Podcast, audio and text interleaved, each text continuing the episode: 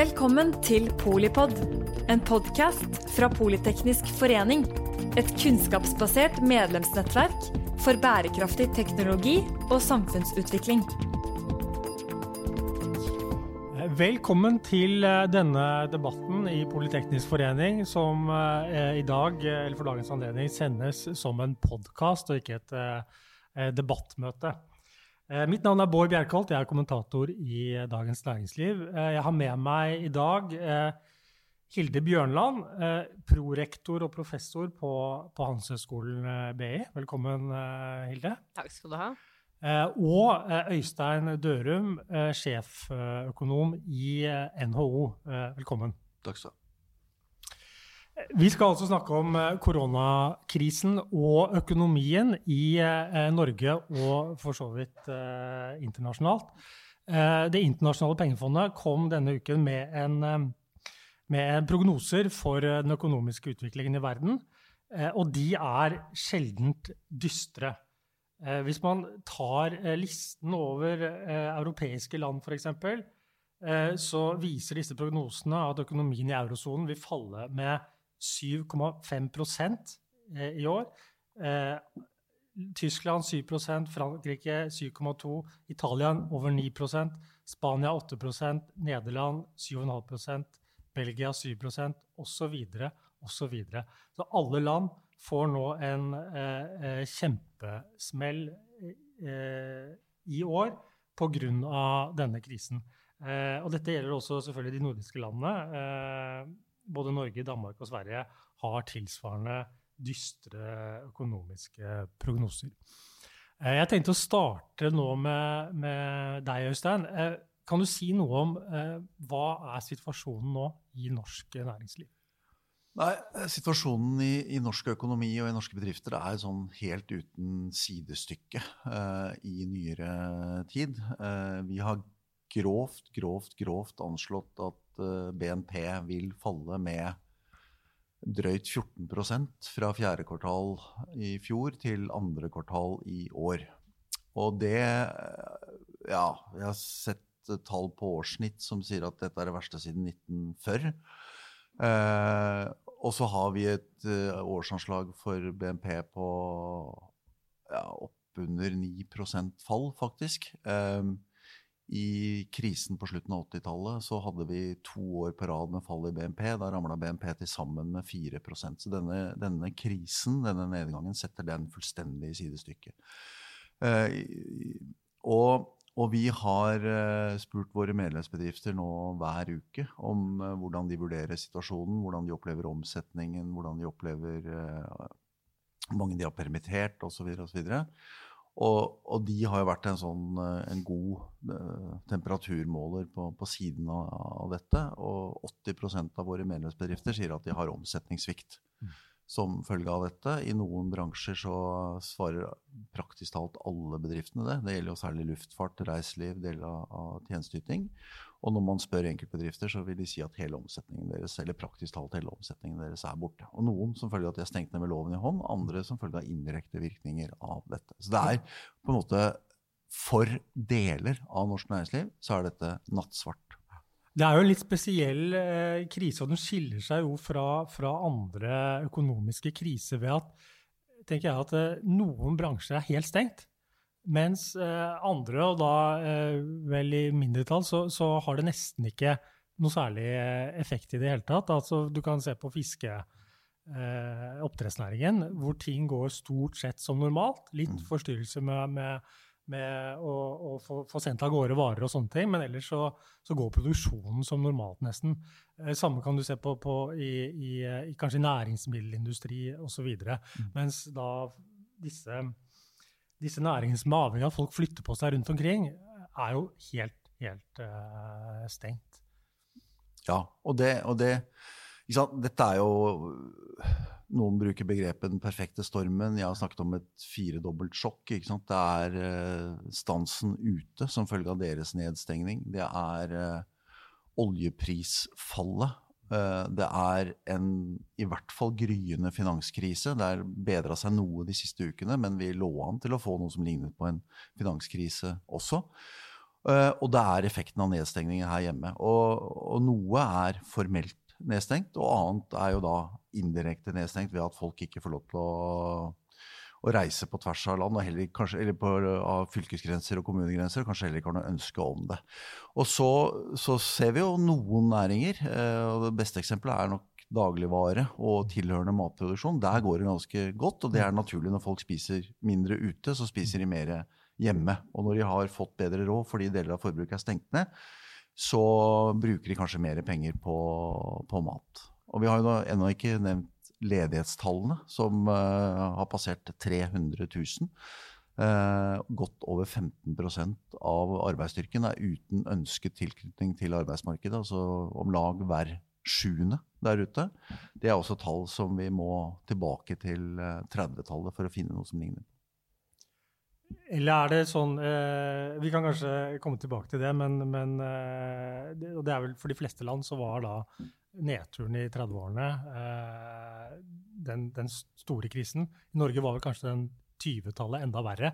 Men, eh, men, vi, må tilbake, vi må langt tilbake i tid for å finne noe, noe tilsvarende. Ja, Anslagsvis så hadde vi 10-11% ledighet på det meste på, på 30-tallet. Men det er klart det er noen vesentlige forskjeller knytta til at dette var oppsagte. Nå er de permitterte, eh, og velferdsordningen er mye bedre nå. Og, vi, og alt dette er knyttet til koronapandemien, og vi må jo tro at det er forbigående. I tillegg til eh, disse problemene som, som eh, viruset skaper, og, og, da tiltakene for å, for å, holde i sjakk, så er jo Norge også rammet av eh, et helt ekstremt fall i oljeprisen.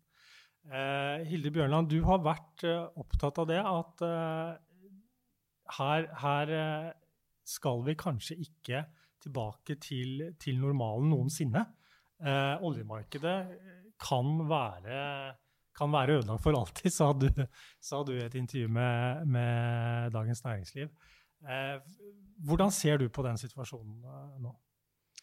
Jeg tror ordet alltid kom fra dere, men det vil i hvert fall ha permanent eller ganske vedvarende effekt, da, var vel det jeg sa. Men det er jo egentlig bare semantikk. Eh, det som, det som jeg var, har vært opptatt av, det er to ting. Det ene er at lenge før vi stengte ned, så var norsk økonomi rammet eh, av dette oljeprisfallet, eller manglende eh, etterspørsel av olje er vel det som er liksom årsaken bak dette, da, som gjør at oljeprisen har falt.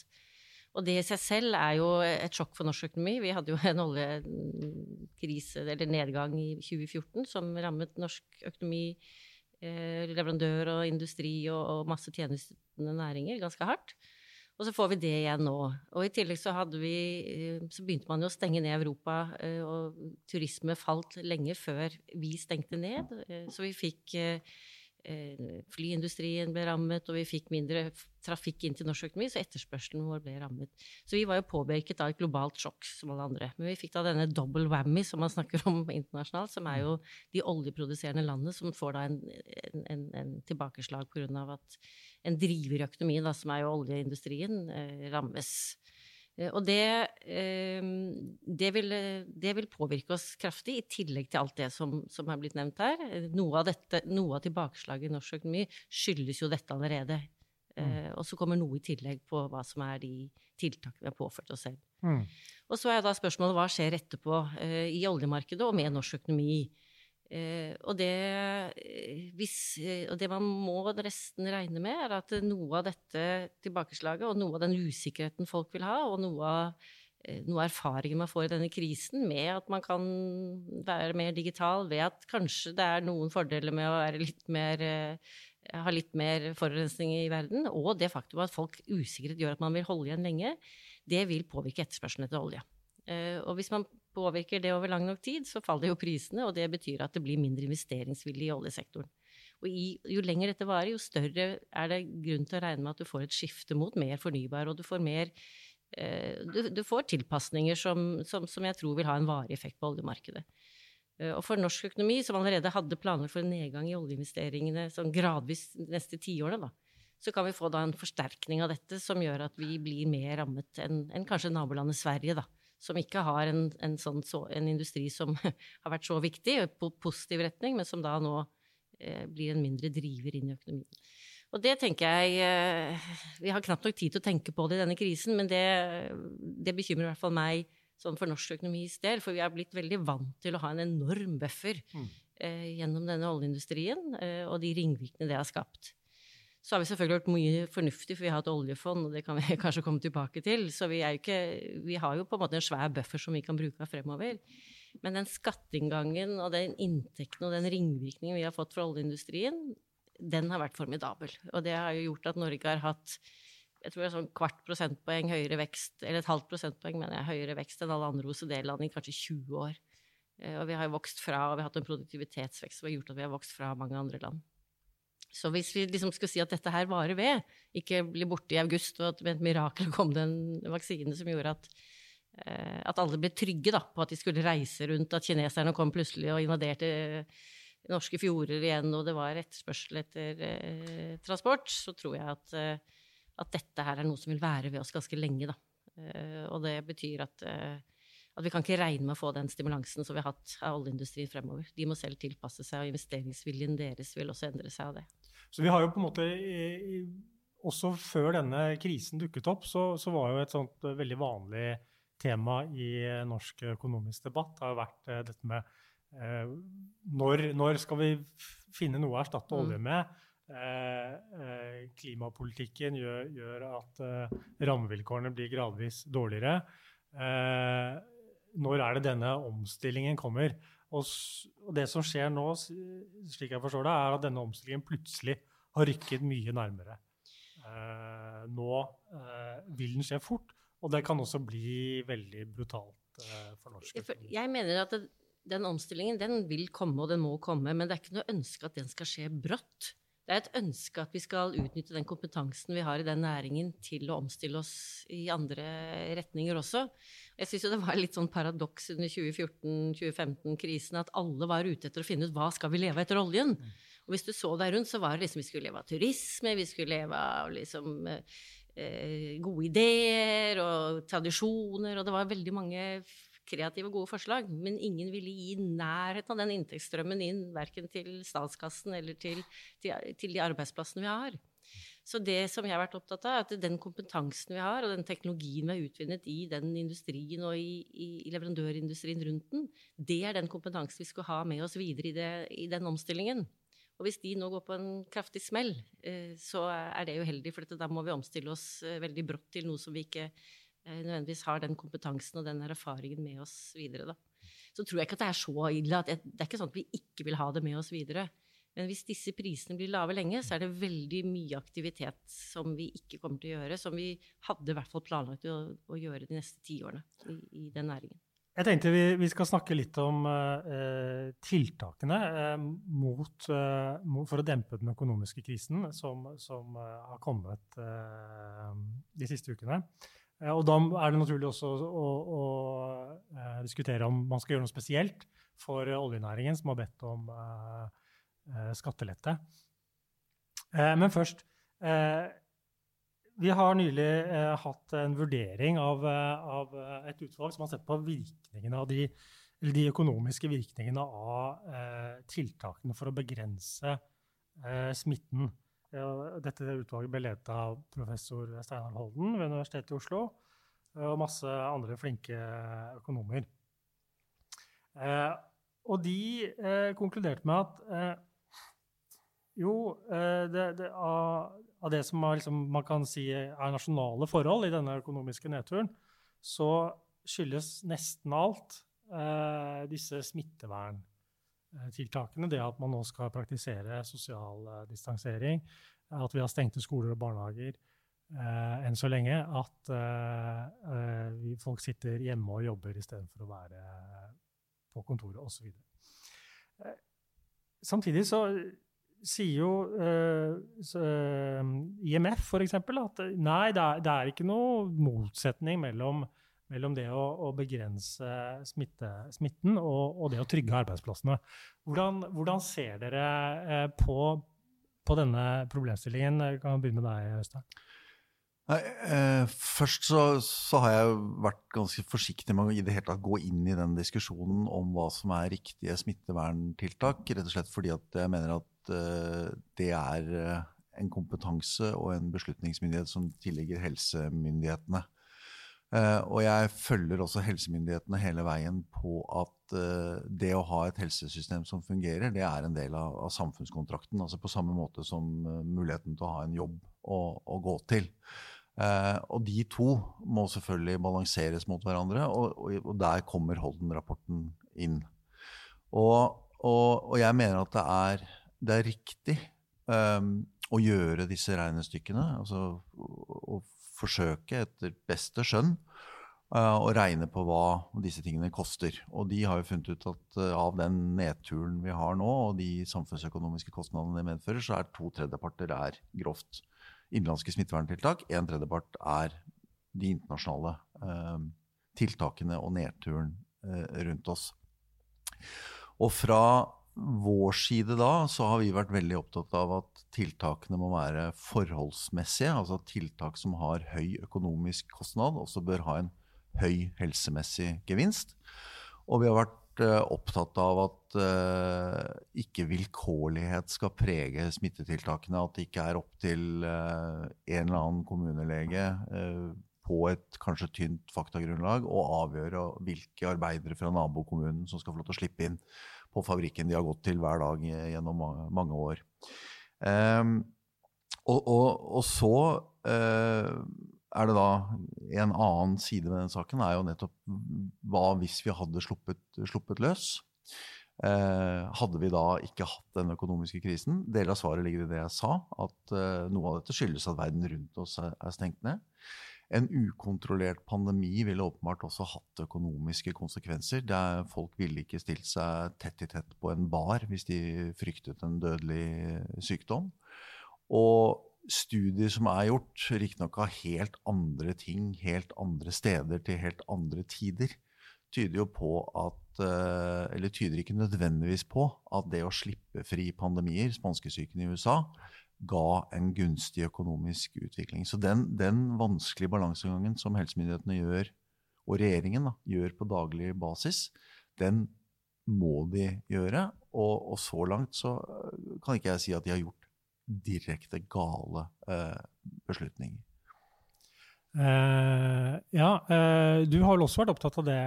Hilde, at, at uh, her, her, kommer smellen uansett. Og spesielt fordi omverdenen eh, og, og, oljemarkedet og disse tingene eh, er så viktig for norsk økonomi?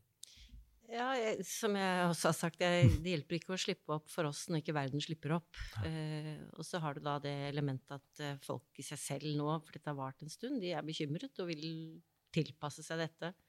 Men jeg tenker at eh, som Øystein så tenker jeg det er fint med sånne beregninger. Eh, og utvalget har gjort en god jobb i å se på, på måte, forskjellige alternativer. Men det er også noen utfordringer med denne type beregninger. For det første så antar man jo da Du ser på den modellen du har, og så sier du la oss si vi stenger den og den og den sektoren. Hva betyr det for BNP? Og la oss si vi slipper opp den og den. Da får vi litt mindre effekt av det.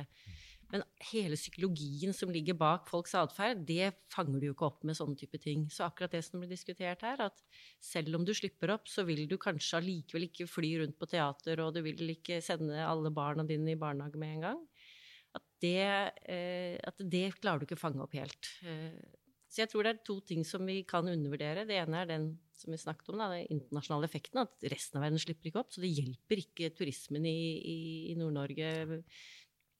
Selv om vi skulle reise dit, faktisk. For er, de er ganske avhengig av ganske mange andre òg. Eh, luksusbutikken i Oslo selger ikke bare til nordmenn, det er mange kinesere som går rundt der.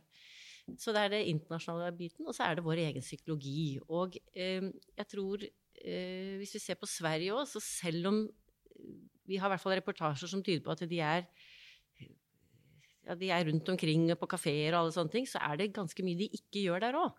Eh, og det ser vi jo på sånn eh, aktivitetsmålinger, at de er mindre på kafeer. De er mindre i, på kinoer og teater, og de, er, de reiser mindre, de òg. Så, så det vil bli en smell uavhengig om du har litt forskjellig strategi med å åpne opp.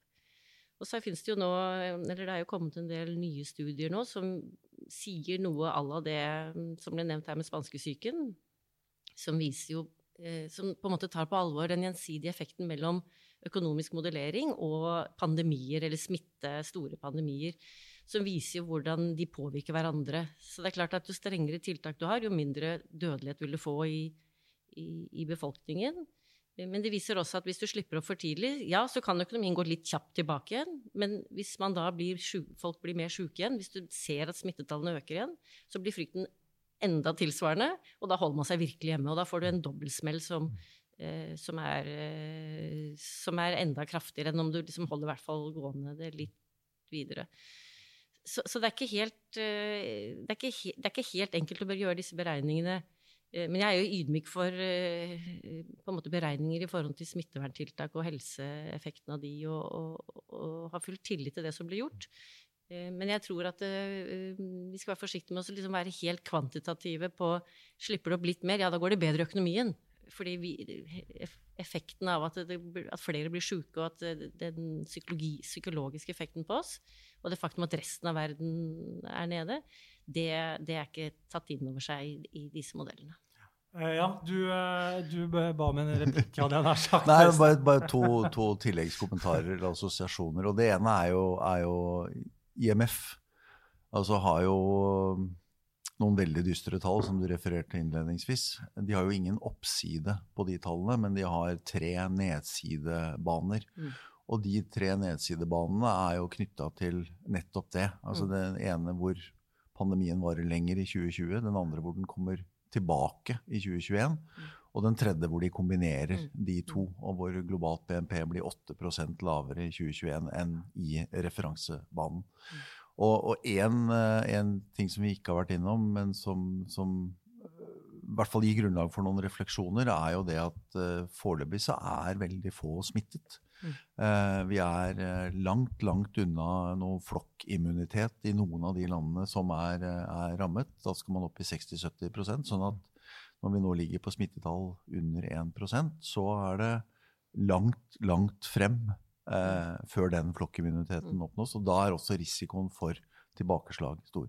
Men det andre jeg tenkte, det, det var at eh, noe av fordelen med sånne beregninger, altså når Holden-utvalget sier at uh, smitteverntiltakene koster norsk økonomi 24 milliarder kroner i måneden, så sier det også implisitt noe om hva som er den økonomiske gevinsten av å bygge kapasitet i helsevesenet. Altså av å få bedre smittevernutstyr, av å få flere folk inn, av å få flere respiratorer på sykehusene, sånn at man da, som følge av det, kan lette opp. Så det, det letter også den delen av regnestykket.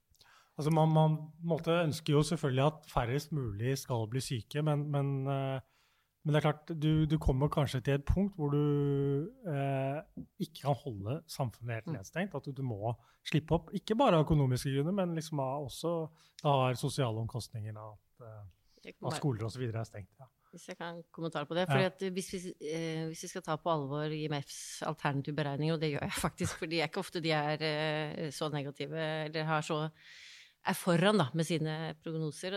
Så det at uh, dette kan vare ved, uh, den usikkerheten rundt det, det må vi ta på alvor. Uh, og hvis vi skal tenke at dette varer ett til to år til, i hvert fall i mer eller mindre grad, så klart vi kan ikke være så nedstengt som vi er nå, så vi må slippe opp noe. Og da er det å bygge allerede nå kapasitet i forhold til å ta unna i, i sykehus. Vi så jo hvordan Kina hev seg rundt og både kunne og, ville bygge svære sykehus over natten, og vi ser hvordan man har måttet gjøre krisetiltak i de landene hvor det er helt sprengt i forhold til å bygge det. Men plan, at vi må planlegge for dessverre at det kan bli flere i Norge òg, og at vi, hvis dette vedvarer at vi må slippe opp noe mer, for kostnadene Du må se de kostnadene opp mot hverandre. Eh, det understreker jo for så vidt Holden-utvalget òg, at eh, her, her, er det kostnader uansett. Og, at, og, det å begynne å tenke på det allerede nå i helsevesenet, det, det syns jeg kanskje er et, en annen ting vi bør ta med oss.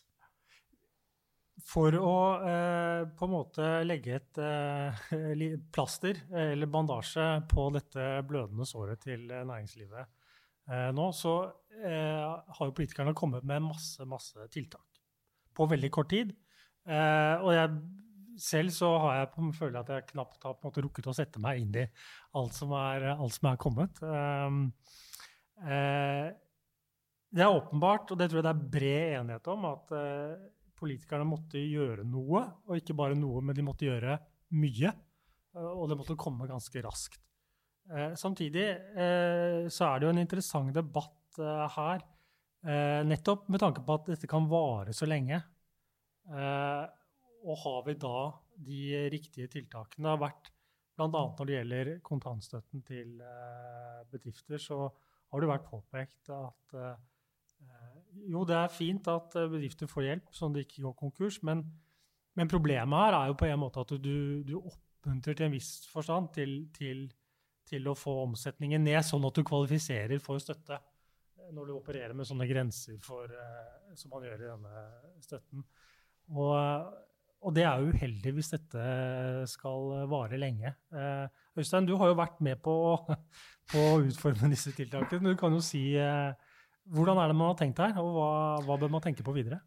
Nei, altså her er det jo masse, masse, masse issues som vi kommer til å diskutere bredt og dypt i tiden som, som kommer. Um, vi må gå tilbake til der vi startet. Uh, situasjonen i norsk økonomi og i deler av næringslivet er akutt. Uh, mange bedrifter har større utgifter enn inntekter. Og hvis du over tid har større utgifter enn inntekter, så vil du før eller senere gå over ende.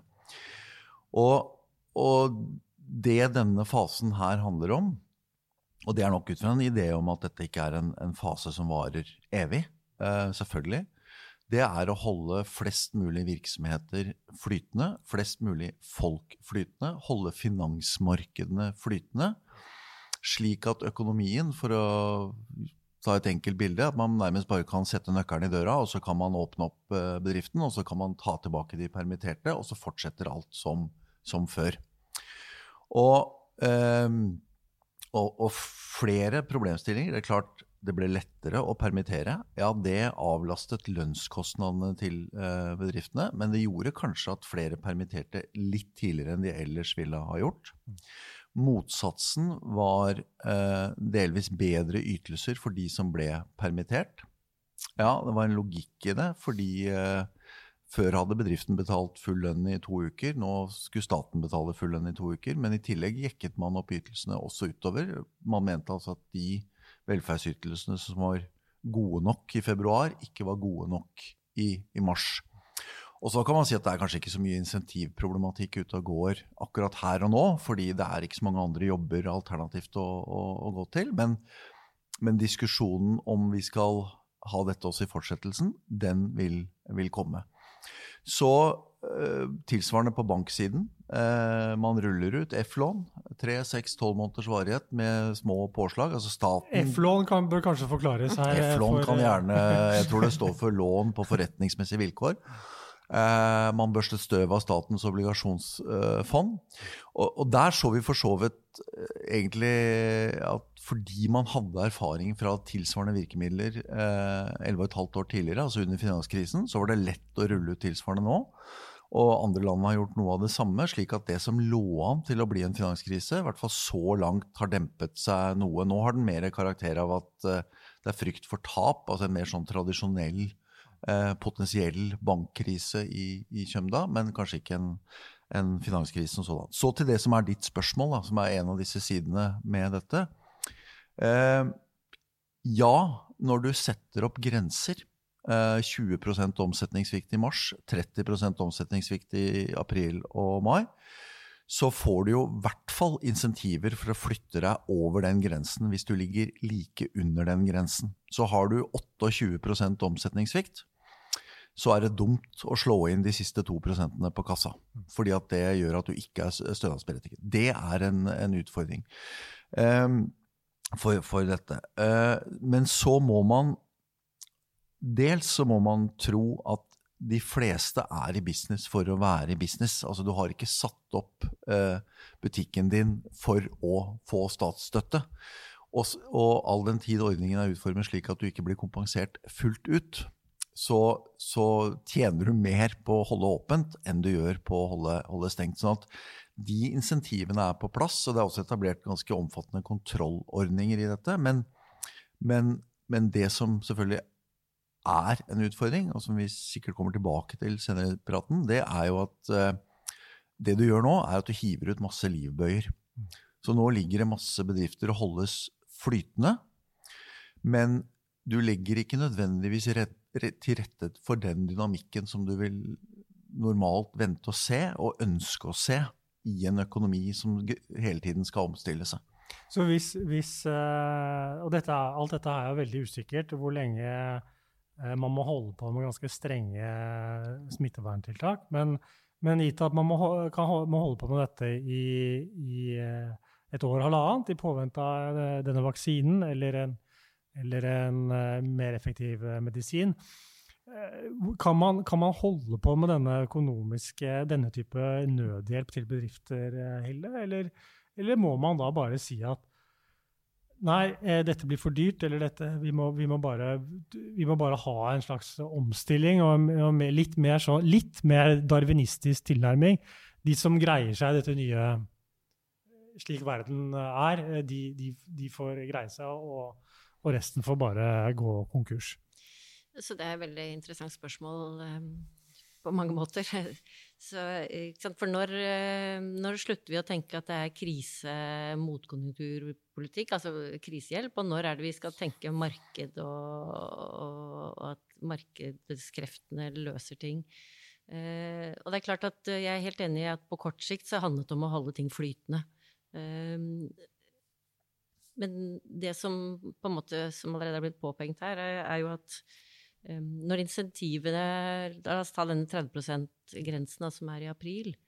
Hvis insentivet da er at eh, La oss si du har en, at du har en omsetningssvikt på 10% men du jobber livet av deg for å levere blomster digitalt eller uh, takeout uh, rundt mm. omkring, og så ser du at nabobedriften din bare stenger ned, mens du holder på og klarer å liksom er på 25% og så er dette noe som gjelder i april, som er noe fremoverskuende, så det er klart at da er det et insentiv om at du stenger, stenger heller ned eller kutter produksjonen så du kommer akkurat under den grensen. Og det er jo det som har vært påpekt av flere av mine økonomikolleger og Ragnar Torvik i dag, hørte jeg på nyhetene. Mm. Så det uh, men, men, der tenker jeg at uh, der er det Så det som skjer da, på kort sikt, det kan vi leve med at staten må da ta mer av den kostnaden. Så, okay, så det er på en måte ålreit. Så det treffer ikke helt presist. Det kan vi leve med på kort sikt. Så staten tar litt av den kostnaden som ellers kanskje de kunne omstilt seg på. Men hvis dette varer ved, så er det jo ikke bra. For eh, da setter du en litt sånn brems på systemet. Der man kunne hivd seg rundt for å gjøre en større omstilling, så har du ikke den insentivet fordi at du ser at det er en sånn grense. Så her burde, hvis dette skal vedvare, så burde man i større grad tenke seg terskler. ikke sant? At uh, Har du 10 har du 20% omsetningssvikt osv. At det er noe insentiv for å jobbe noe. Noe insentiv for å ikke si opp alle, noe insentiv for å Så det må komme Det mener jeg på, Jeg tror dette varer. Så må det komme på bane etter hvert. Og så er det jo med all eh, Som det har vært med alle kriser og den motkonjunkturpolitikken vi har hatt i norsk økonomi. Vi har vært veldig gode på å bremse nedgangene. Finanskrisen, oljekrisen. Men vi har ikke vært veldig, altså vi, eh, offentlige myndigheter, finanspolitikken, har ikke vært veldig gode på å stramme inn i gode tider. Så kan vi si det skal vi ikke tenke på nå, osv. Men vi må tenke på det på et eller annet tidspunkt. Vi må tenke på at nå er vi i en situasjon hvor enten går det litt bedre, eller, enten, eller så kommer det til å vare så lenge at vi er nødt til å la noen omstille seg. Og den diskusjonen, den, den er foran oss, men den tenker jeg at uh, må komme etter hvert, den også. Altså, vi må vel være så ærlige og si at vi, vi, nå bruker vi ikke avkastningen av fondet? Nei, nå bruker vi av fremtidige generasjoners uh, ja. muligheter til å finansiere noe av sin sine utgifter. For å si det I sånn. tro da, på at det tross alt vil, vil gi disse generasjonene en bedre posisjon. Ja, fordi her, vi ikke får da denne ekstremt brutale nedturen. Ja, og det er her vi får da mange smeller samtidig. For mm. vi får jo også mindre penger inn i fondet gjennom at, vi, at oljepris, oljeprisen har falt og det er mindre aktivitet der. Så vi har den siden, og så har vi da at vi bruker av fondet nå, og det er store summer. Vi kan bruke store summer for vi er rike, Eh, men det er store summer som tas da av fremtidige penger. Da. Så, så, det er jo noe som, eh, som, jeg tenker eh, Kanskje er det prematurt å diskutere nå, men jeg tenker i hvert fall en del på det. Et, et annet spørsmål jeg stiller meg når jeg ser disse, disse tiltakene og, og, støtten til bedrifter, som, som, jo også vi i Dagens Næringsliv har vært, vært mm. støttet og ment har vært helt nødvendig, det er jo at eh, man, ofte har man i, i, i tankene en sånn, sånn, kanskje en mindre bedrift, eh, kanskje hvor, hvor også eieren eh, er aktiv og jobber, og, og, og eh, hvor det er, ville vært eh, eh, Når du får beskjed av staten, enten direkte om å stenge dørene eller, eller indirekte, så, så, selvfølgelig skal man hjelpe.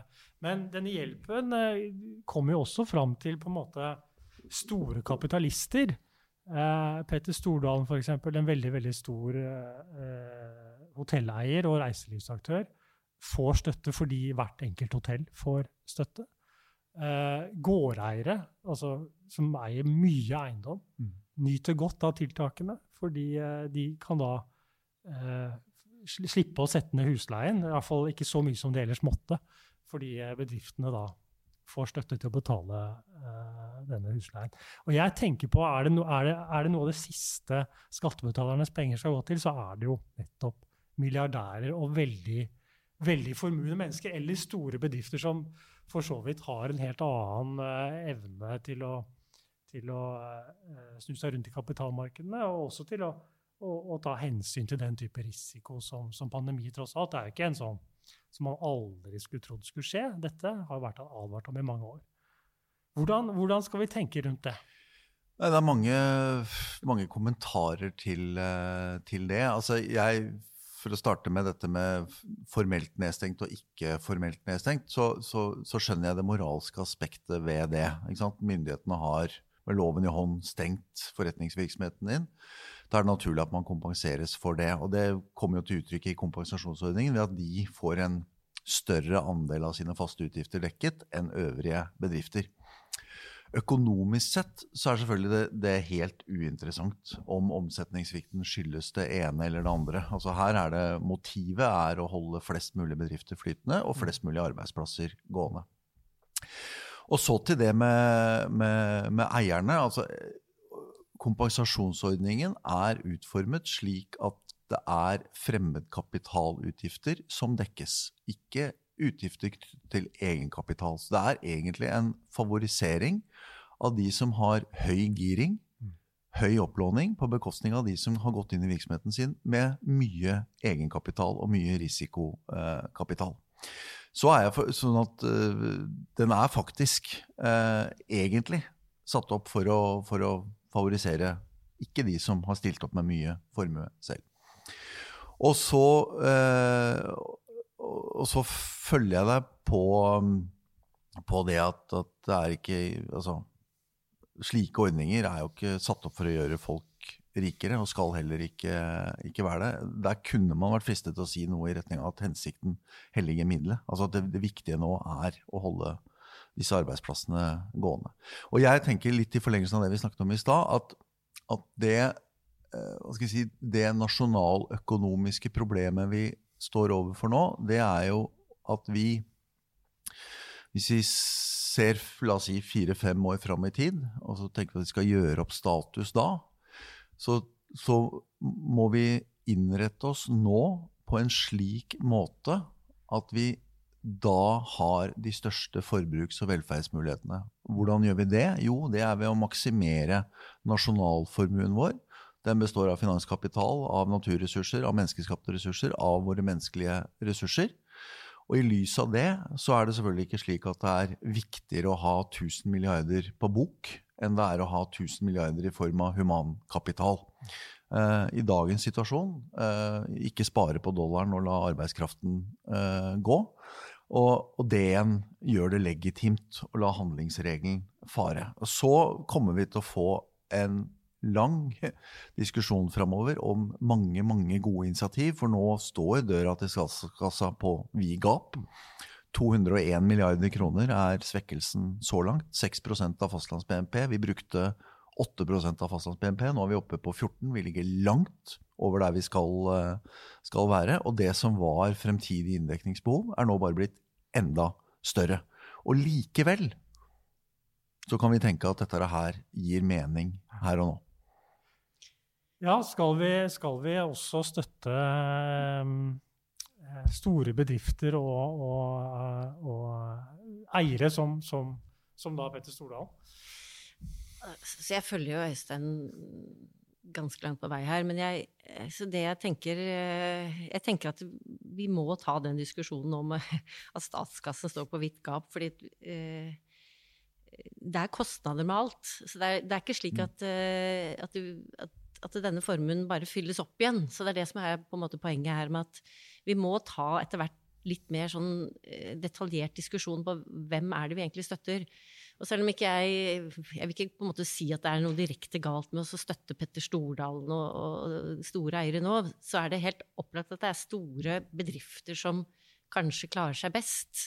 Eh, og i hvert fall de som er digitale i tillegg. Så kanskje ikke akkurat hoteller, men Amazon og Google osv. Dette, dette er jo bedrifter som, internasjonale konsern som nå virkelig vokser opp. Mm. Så hvis ikke vi en, har en bevisst tanke på hvordan vi også skal få bedrifter til å eh, eller i hvert fall få insentivert nok aktivitet til at vi kommer styrket ut av krisen nå. At vi, at vi, ikke, at vi må i hvert fall ha mer fokus på det. Det tenker jeg at det er i hvert fall noe jeg ville løftet frem. Så sier jeg ikke at vi ikke har fokus på det, men vi har veldig fokus på krisehjelp. Mm. Eh, og jeg tror at krisen kommer til å vare, og da trenger vi å dreie mer av fokuset på eh, insentivbasert eh, hjelp for at vi skal en, ha bedrifter som kan konkurrere i denne verden på sikt. Ja, eh, altså Norges viktigste næring eh, er jo enn så lenge eh, olje- og gassnæringen. Eh, som nå ber om ganske eh, store skattelettelser. Eh, og hva om den får det eller ikke, er, er uklart. NHO har jo stilt seg på næringens side der og, og sammen med LO og, og, og bedt om dette. Um, er, det, er, det, riktig når vi samtidig vet at vi skal på sikt uh, omstille denne næringen? Slik som jeg har opplevd eller sett det de har søkt om eller bedt om, så er det å få utsatt beskatning. At, det mm. ikke, at, de ikke skal betale, men utsatt skatten. Mm. Uh, hvis det fører til at ellers lønnsomme prosjekter ble satt i gang, som ikke hadde blitt gjort det hvis de ikke fikk disse, denne utsatte denne beskatningen, så, mm. så, støtter jeg det. Mm. Men hvis det betyr at man eh, får mye lønnsomme investeringer isteden, så er jeg nok mer i tvil. Eh, men det er jo på en måte, det gjelder jo med alt her, da. Det er alt vi diskuterer handler om det samme.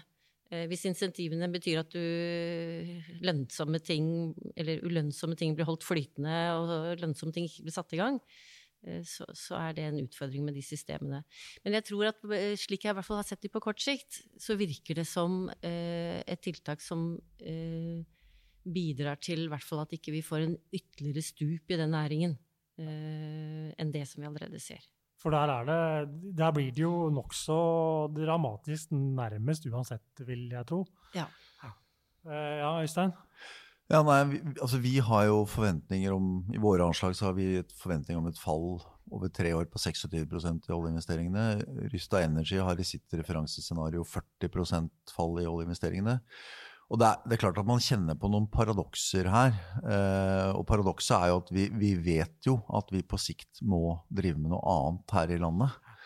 Eh, men jeg følger Hilde, for slik jeg forstår deg, tolker deg, at vi å få dette oppå alt det andre vil gjøre den gjeninnhentingen vi står foran, enda tøffere, enda mer krevende. Sånn at uh, det, er, det, er, lettere å holde eksisterende aktivitet innenfor kjente strukturer oppe, enn det er å legge ned og så håpe at vi får noe annet eh, i stedet. Så, og så kommer jo de omstillingene. De vil komme uansett. Klimautfordringene blir jo ikke borte. De er kanskje blitt midlertidig eh, lettere. Men, men, her og nå så trenger vi den etterspørselen vi kan, eh, vi kan få. Og, og, så tilbake til noe annet Hilde var innom også. Eh, det er litt over en måned siden Norge stengte ned. Uh, og i den fasen her så har det handla om én en eneste ting. Altså å, å, å sørge for å, å, reparere det mest akutte, altså stoppe blødningen, for å bruke det bildet. Og så kommer jo diskusjonen nå framover om hvordan skal vi bruke våre felles ressurser slik at vi om fem år kan se oss tilbake og si vi gjorde det rette. Vi minimerte det tapet. Norge har blitt fattigere som følge av dette, det er uunngåelig. Så det tapet skal fordeles. Og, skal, eh, og, vi skal innrette oss sånn at det blir minst mulig. Jeg kan legge til, så jeg er enig i det. Eh, så når jeg tenker, så det jeg er opptatt av, er at vi, eh, man skal ikke legge klimapolitikken til side. Vi, vi, skal skatte forbruk, og vi skal på en måte ha fokus på det. Men jeg tenker at fremover nå så ligger eller for å si på den måten, En av de tingene vi startet med å snakke om, var at oljemarkedet vil få varig effekt. Det må vi også ta inn over oss, at prisene vil bli lavere. Så investering må være lønnsomme innenfor en lavere prisregime. Eh, så, hvis, så, tiltakene må ta det inn over seg. Man må passe på at man måtte se på begge sider. At ja, vi vil ha investering på sokkelen, men vi må også ta inn over oss at ja, det markedet vil også endre seg. at Vi må ikke overinvestere nå. Men samtidig så er det viktig at eh, jeg tror at hvis vi hvis vi ikke gjør noe for at den næringen skal investere eh, noe fremover heller, så vil vi få voldsom nedgang i norsk økonomi. Og allerede uten å ta inn over oss det, så sier jo IMF at vi vil ha den høyeste ledigheten i Europa. Eller ledigheten vil bli 13 eh, i deres anslag. Jeg hørte du nevnte at vi er allerede oppe i 15 Så norsk økonomi er allerede ganske hardt rammet i forhold til mange andre europeiske land. For, ja, fordi der, der eh, IMF for neste år eh, mm. ser på en måte en ganske kraftig rekyl. Hvis mm. ting går bra, da. Mm. Det må vi jo si. Altså, det er nok av, nok av eh, som vi var inne på, nok av sånne nedsidescenarioer. Men hvis det går bra, så skal økonomiene eh, sprette tilbake igjen. Mm. Men den spretten blir mindre i Norge. Ja, fordi Nettopp vi er, fordi vi har denne olje... Fordi vi har denne øh, olje... Kall det oljeavhengighet, da, men det er på godt og vondt. Det betyr at vi har hatt enorme gode år bak oss. Mm. Uh, og hvis den faller for raskt, så får vi en, en, en vanskeligere gjeninnhenting enn en de andre. Jeg har bare lyst, eh, Vi nærmer oss nå en, en, avslutning, men jeg har bare lyst før det til å, til å eh, ta en kort runde på dette med eh, fordeling eh, Du var inne på det, Øystein. altså at eh, dette er jo ikke helt Det er store økonomiske tap, og det er, det er mye Denne økonomiske hjelpen til næringsliv og, og husholdninger koster staten en god del. Men, men, dette er jo ikke størrelser som ikke er mulig å bære. Men de er veldig nå skjevt fordelt. ikke sant? Næringslivet eh, Det blir mange konkurser uansett. Eh, mange vil miste jobben. Eh, i privat sektor. Samtidig så sitter jo folk i offentlig sektor eh, i gode, trygge jobber, og det skjer ingenting med lønnen. Og, og eh, de har det bra. Hvordan, hvordan, skal man fordele dette tapet? Fordi på en eller annen måte, fordeling er, er nødvendig her. Det er jo et det er jo, I første rekke så er det et politisk spørsmål. Men, men når Holden-utvalget sier at vi blåser 24 milliarder i måneden, og de regner da bare på de to tredjeparter. Så, så velferdstapet, eller produksjonstapet, er halvannen gang større, altså 36 milliarder i måneden. Eh, det tapet må bæres av noen. Det bæres i stor grad av oljefondet. Det reduserer våre framtidige konsummuligheter. Det bæres av de som, eh, som er blitt permitterte og har mindre ytelse enn det de hadde i lønn. Det bæres nok av bedrifter som går over ende. Og I tillegg så får du noen sånn skjevfordeling for bedrifter som går over ende. Kjøpes opp av noen andre som uh, vil tjene penger på dette framover. Kriser skaper vinnere og taper. tapere. Det ødelegger formuer, det skaper uh, formuer. Men, men uh, til det du egentlig spurte om, og som jeg også har kjent på, at vi som sitter i, fortsatt i trygge jobber, hever den samme lønna. Vi er vitne til en dugnad som gjøres i helsevesenet som gjøres av de som tar tapene, for at vi skal ha en økonomi å gå tilbake til, og et helsevesen som uh, fungerer. Men vi betaler ikke en krone for det. Jeg har fått eh, redusert mine forbruksmuligheter med anslagsvis 20-25 de penga de går til å betale ned raskere på boliglånet enn ellers. Ja, Så det hoper seg opp nå på, på Ja, men det er, det er, det eneste jeg kan gjøre med de pengene. Jeg kan ikke med rak rygg gå i matbutikken og kjøpe mye mer mat eller, eller kjøtt til 500 kroner kiloen hver dag. eller sånt. Det blir sånn meningsløs uh, pengebruk. Så, så, mitt boliglån blir mindre. Og det er mitt bidrag, mitt økonomiske bidrag til denne krisen. Og det er mer en erkjennelse, og det er ingen konklusjon. Den har heller ikke lyst til å trekke selv. Men det er mer en, et slags paradoks til ettertanke.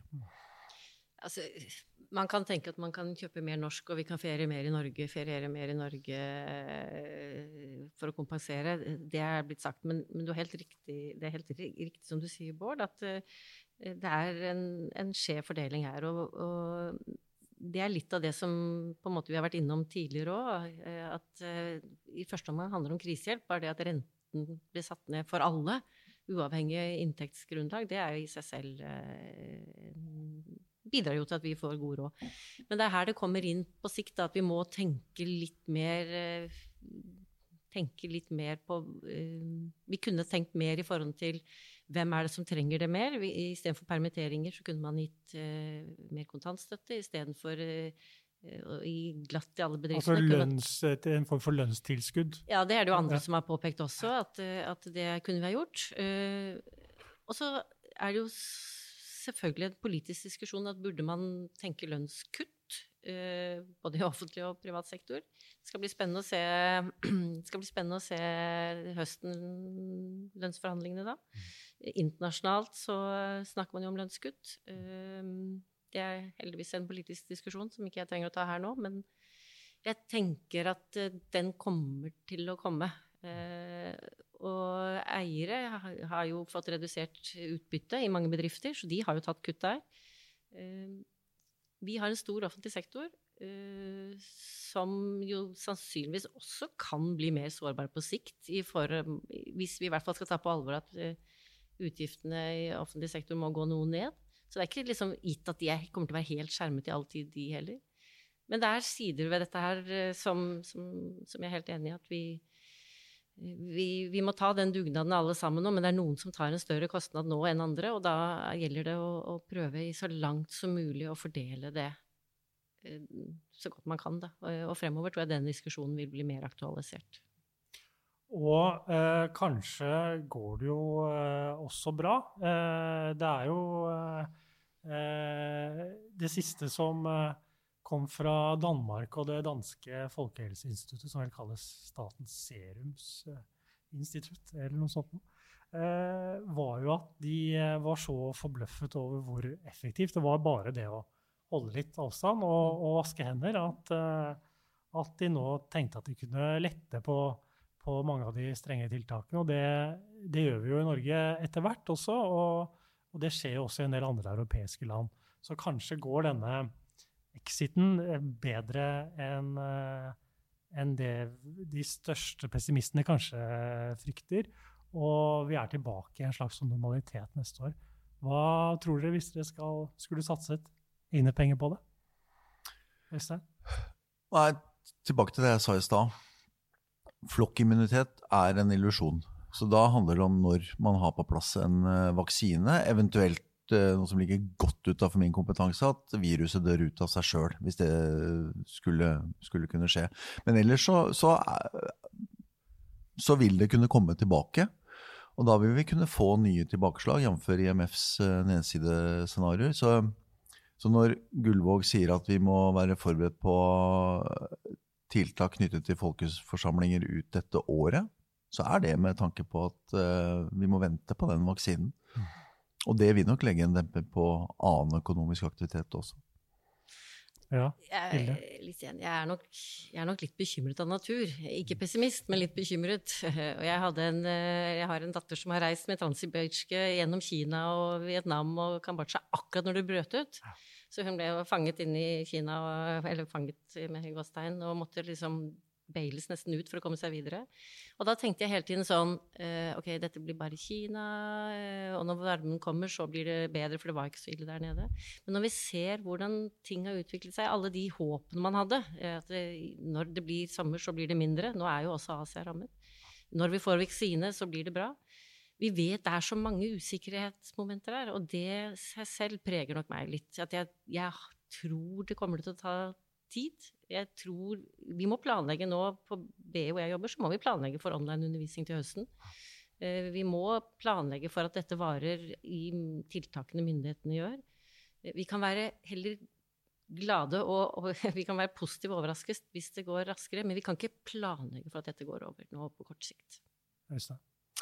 Nei, altså vi, vi, kan Hvis man skal putte inn litt optimistisk, så kan man jo spole tilbake til 2003 og SARS-viruset og de anslagene som da kom fra WHO og andre om en akselererende, galopperende utvikling i antall SARS-tilfeller globalt, eh, som viste seg å være feil. Mm.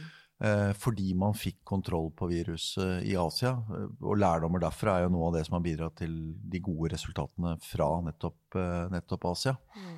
Sånn at eh, man har tatt feil på, det, på, dette her tidligere også. Det mm. kan tenkes at man nå får kontroll på det, og så slås det tilbake. Og så ble det med disse månedene. Men uh, det er ikke mitt hovedsyn.